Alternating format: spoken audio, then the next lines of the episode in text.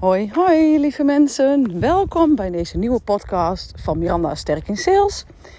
Over focus en flow in de laatste vier maanden van 2022. Want de laatste maanden zijn aangebroken. En ik weet niet of jullie weten, maar september, oktober en november zijn de minst, meest winstgevende maanden voor coaches en therapeuten. December is weer het meest winstgevend voor andere kantoorartikelen en mensen met een webshop. Maar echt de laatste drie maanden, dan geven de meeste mensen willen daar nog een boost geven aan hun bedrijf of aan hunzelf. Dus dit zijn altijd hele goede maanden om daar ja, gewoon lekker te knallen met je bedrijf en dat vanuit focus en flow te doen. Dus vandaag deze podcast, hoe je dus in focus en flow komt. Nou, ik ben trainer geweest in nieuw time management en ook vanuit het boek Flow. Uh, focus op flow, focus is dat eigenlijk, van Mark Tichelaar is er beschreven dat je in flow komt. En dat heb je zelf ook vaak wel gemerkt. Je komt in flow wanneer je 20 minuten repeterende werkzaamheden doet. Daarna zit je erin. Dus dat betekent 20 minuten e-mail schrijven, 20 minuten podcast opnemen, 20 minuten uh, mensen bellen. Het maakt eigenlijk niet zoveel uit. Post schrijven. Als je 20 minuten dus hetzelfde werk doet, administratie, dan kom je na die 20 minuten in een flow. En dan is het eigenlijk, that's where the magic happens. Dan kost het veel minder moeite, omdat het dan het werk uit je handen vliegt. En daarom is het ook heel belangrijk dat je niet van de hak op de tak gaat, maar gewoon dat krachtig één strategie, dus één ding, hetzelfde plant en dat tot de flow weer ophoudt, zeg maar. Een uur lang, twee uur lang plant, zodat je helemaal gefocust met één taak bezig kunt zijn. En wanneer eruit bent, dan ontstaat de volgende flow wel. Maar dan kun je intussen even rusten. Dus het is heel belangrijk dat je wel doorhebt dat je 20 minuten repeterende werkzaamheden zonder notificaties. Want je bent, bent echt binnen een split second uit. Wanneer je door je telefoon weer ja, werd, wordt afgeleid, dan zul je merken dat het je wel, wel, wel, ja, wel 10 minuten, een kwartiertje kost om weer in die flow te komen. Dus het is ook helemaal niet handig om te multitasken en telkens van een hot naar her gaat. Maar dat je gewoon één taak heel netjes achter elkaar afrondt. En daarbij is het ook belangrijk dat je dingen doet die jou dienen. Dus dat je niet telkens wordt ingezet voor andermans plannen. En daar helpt de zin, moet ik dit nu doen, heel erg mee. Dus je kunt die zin uitspreken op, uh, op allerlei manieren. De eerste manier is, moet ik dit nu doen? We moeten niks. Als je dat zo uitspreekt, gaan de nekken er bij sommigen al achteruit. Achter, overeind bedoel ik. Je kunt je ook afvragen, moet ik dit nu doen? Of kun je het ook uitbesteden aan iemand? Je kunt je ook afvragen, moet ik dit nu doen? Of kun je ook wat anders doen? Wat meer effectiever is en wat je sneller bij je doel brengt. Je kunt je ook afvragen, moet ik dit nu doen? Dus is er een ander moment wat beter past? Of moet je het echt op dat moment doen? Is het dan de hoogste prio? Heb je dat goed ingevuld zodat je dat op dat moment echt moet doen? Of kan het ook op een ander moment? Dus het is altijd goed om urgente zaken eerst te doen. Die gewoon uh, ja, het, eerst af moeten. En dat je dus heel goed kunt um, onderscheiden wat urgent is voor je doelen en belangrijk voor je doelen en wat niet belangrijk is. En wat niet belangrijk is, zeg maar, ik stel altijd voor die doelen, dat is een stip op de horizon. Daar gaat de rode loper naartoe. En alles wat op die rode loper komt, dat dient je. En je hebt dus overdag wel duizend en één prikkels. En alles wat dus niet op die rode loper hoort, dus wat niet jouw doel dient, dat hoef je dus niet te doen. Dat ga je dus uitbesteden. Of je gaat het gewoon echt niet doen. Bijvoorbeeld eindeloos op social media scrollen. Dat dient je niet. Vaak, uh, ja, je kunt inspiratie door op, opdoen. Maar nadat je die inspiratie hebt opgedaan, moet je het wel weer zelf toepassen. Want anders blijf je maar allerlei dingen in je opnemen. Maar als het nooit uit je vingers komt, dan heeft het niet zoveel zin. Dus wanneer je die inspiratie voelt vanuit fun en ease, doe het dan ook. En ga dan gewoon lekker ja, dat manifesteren. En als je weer de inspiratie. Ja, ga dan ook uh, social media uitzetten Tot het moment dat je denkt, oké, nou voel ik even een inspiratie. Dan ga je weer even dat inspiratie opdoen op social media. Maar blijf er niet telkens aan gekluisterd. Dat is ook de Stephen Covey matrix, die ik hierbij uitleg. Stephen Covey matrix gaat heel erg over de belangrijkheid en de urgentie van je doelen. Want heel vaak vragen mensen alles aan ons en doen ze net alsof het knetter urgent is. Maar vaak is het dat niet. Dus je kunt het echt uit de urgentie halen door te zeggen: ik geef er zorgvuldige aandacht aan. Wanneer ik dit inplan in de, in de toekomst, dus wanneer ik het inplan volgende week, dan heb ik alle aandacht voor je. Schrikt het je op dat, dat tijdstip. En dan kun je dat gewoon met een gerust gevoel uh, op dat moment inplannen, zodat het uit urgentie is. Maar het is wel belangrijk dat je dus alleen maar dingen doet die je doel dienen. Die belangrijk zijn voor je doel. En dus urgent zijn voor je doel, zeg maar. En de niet belangrijke dingen, dat ga je dus delegeren of niet doen. Wat je ook mag doen, is nummer 4. Steven Koffie was nummer 3. En die, moet ik dit nu doen, was nummer 2. En die focussen na 20 minuten was nummer 1. Maar nummer 4 is nee zeggen. Ik zie zoveel mensen om me heen die vanuit please gedrag, omdat we aardig gevonden willen worden. Dat zit er natuurlijk heel erg in. Vanuit nature wil iedereen dat graag. Maar als je daar niet ja, voorzichtig in bent, dan word je telkens ingezet voor andermans plannen. Dus ga er heel zorgvuldig mee om en leer ook nee zeggen. Want een nee tegen een ander is een ja tegen jezelf vaak. Dus denk daar telkens aan. Als het maar een ja is voor jezelf, dan mag je gerust nee zeggen. En nummer vijf is, eat that frog.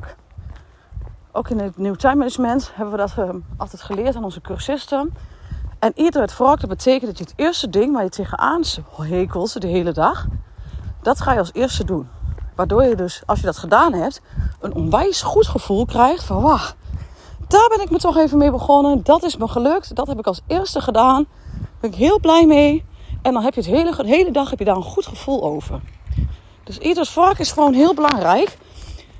Dat je dat, um, ja, dat je gewoon als eerste taken doet. Waar je gewoon niet alle zin in hebt. Want anders schuif je dat maar voor je uit. Die taken die, niet, ja, die je niet zo liggen. En dan doe je die hele dag, loop je er tegenaan te hikken. Ja, ik moet dat ook nog doen vanavond, ik moet dat ook nog doen. Terwijl als je dat als morgens als eerste, als je nog fit bent vaak. Als je dat dan doet, dan vliegt het ook vaak meer uit handen dan als je dat op het eind van de dag doet. En ook ben je dan veel effectiever en efficiënter. Nou, nummer 6 is uh, eh, 1001 ideeën. Waar ga je de focus aan geven bij je klanten? Het is echt um, heel belangrijk dat je dus echt focus hebt op dingen die je dienen. En als je dat niet hebt, dan dien je dus telkens bij af te, af te vragen: dient dit mijn doel of niet? Dus het, is, het komt telkens terug. Dus heel veel klanten van mij hebben duizend en één dingen gedaan, duizend en één doelen, dingen die ze willen doen en ideeën. Maar telkens moet je denken: wat brengt mij op dit moment de meeste klanten en de meeste omzet? En wat er het handigst in is, vooral op social media, als je organisch wilt groeien en nog niet wilt adverteren, dan ga je dus connecten met allerlei mensen in bepaalde groepen. Stel, je bent, ik heb dan daadwerkelijk een verhaal van een klant, die is fertiliteitscoach. En dan loop de een is fotograaf met huwelijken. Nou, bij, beide loop je daar niet heel erg mee te koop dat je, dat je ja, zwanger, moeilijk zwanger kunt worden. Ook heb je niet altijd direct door wie er gaat trouwen. Dus in dat soort gevallen kun je het beste gaan naar Facebookgroepen. Waar bijvoorbeeld, het zijn genoeg Facebookgroepen van mensen die moeilijk zwanger kunnen worden. Maar ook de huwelijks uh, Facebookgroepen zijn er. En dan ga je daar connecten met de mensen die daarin zitten. En doe dan niet direct je aanbod. Ga eerst een beetje social talk houden. En dat hoeft ook nog niet direct het eerste gesprek. Eerst ga je connecten. Kijk je of je elkaars connectieverzoek accepteert. Vooral op Facebook kun je heel snel groeien. Echt in coronatijd heb ik wel 4000 volgers, connecties erbij gekregen. En dat kan op Facebook en op LinkedIn trouwens, kan het ook heel goed. Op LinkedIn heb ik ook 4000 volgers erbij gekregen. Op Instagram gaat het iets minder snel. Daar zijn het nu mm, bijna 2000 volgers die ik erbij heb gekregen. Maar het allerbelangrijkste in alle gevallen is, omdat je bij je Instagram namelijk niet direct elkaars connectie bent, wat je bij Facebook en op LinkedIn wel bent. Maar het allerbelangrijkste is, ga dus connecten met die mensen. Een paar dagen later, of op diezelfde dag, ligt eraan wanneer je tijd hebt natuurlijk ook. En wanneer je even in hun profiel kunt kijken. ga je het daarover hebben. Van, goh, leuk profiel. Dit en dit is de tip die ik kan geven. Ik geef meestal iedereen een tip. Of een compliment. Over hun foto's. Over wat ze erop hebben staan. Dus er is altijd wel iets te bedenken. Waar je een compliment aan kunt geven. En, oh, er komt even een vrachtwagen voorbij.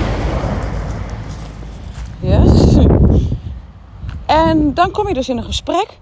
En dan is het heel belangrijk dat je altijd op zoek gaat naar de pijn. Want pas als je een pijn kunt oplossen, dan kun je ook daadwerkelijk iemand als klant maken.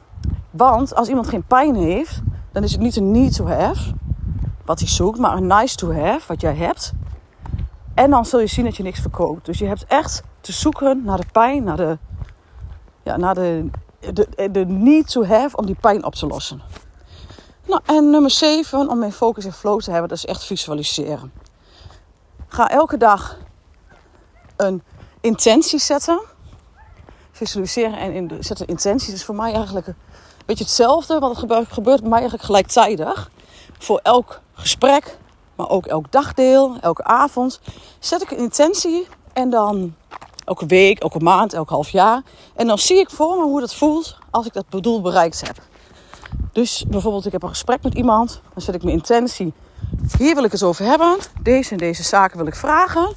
En dan visualiseer ik hoe, dat voor, hoe, hoe, ja, hoe je dat voor je ziet. En hoe ik me daarna voel. En dat is ook met weekdoelen, maanddoelen, jaardoelen. Dus ik kan me helemaal voorstellen hoe het voelt als je zoveel klanten hebt, zoveel omzet hebt, als je die klant hebt geholpen. En als je in die trainingsfrequentie zit, dan komt het ook naar je toe. Want dan laat je het universum zien: oké, dit wil ik. Dat zeg ik ook altijd tegen uh, klanten die bijvoorbeeld een workshop geven. En ook al heb je bij die workshop heb je maar twee betalende klanten, dan is mijn strategie dat je hem toch door laat gaan. En dan door laat gaan met dat aantal klanten wat jij graag wilt. Dus stel je wilt graag voor acht klanten een workshop geven, dan ga je dus zes vriendinnen uitnodigen. Vriendinnen, buren, familieleden, zussen, broers, maakt niet uit. Die ga je uitnodigen. Dus je laat het universum zien, deze groep wil ik graag hebben. Die andere zes die doe je voor een vrijwillige bijdrage, mogen die meedoen. Die twee betalende, prima, die hebben er eigenlijk niks van door. En dat is ook helemaal goed. En dan ga je de content daar rondom creëren. Dus je gaat filmpjes maken, foto's maken. En daarmee laat je dus heel duidelijk zien: dit wil ik, maar ook voel je daarbij.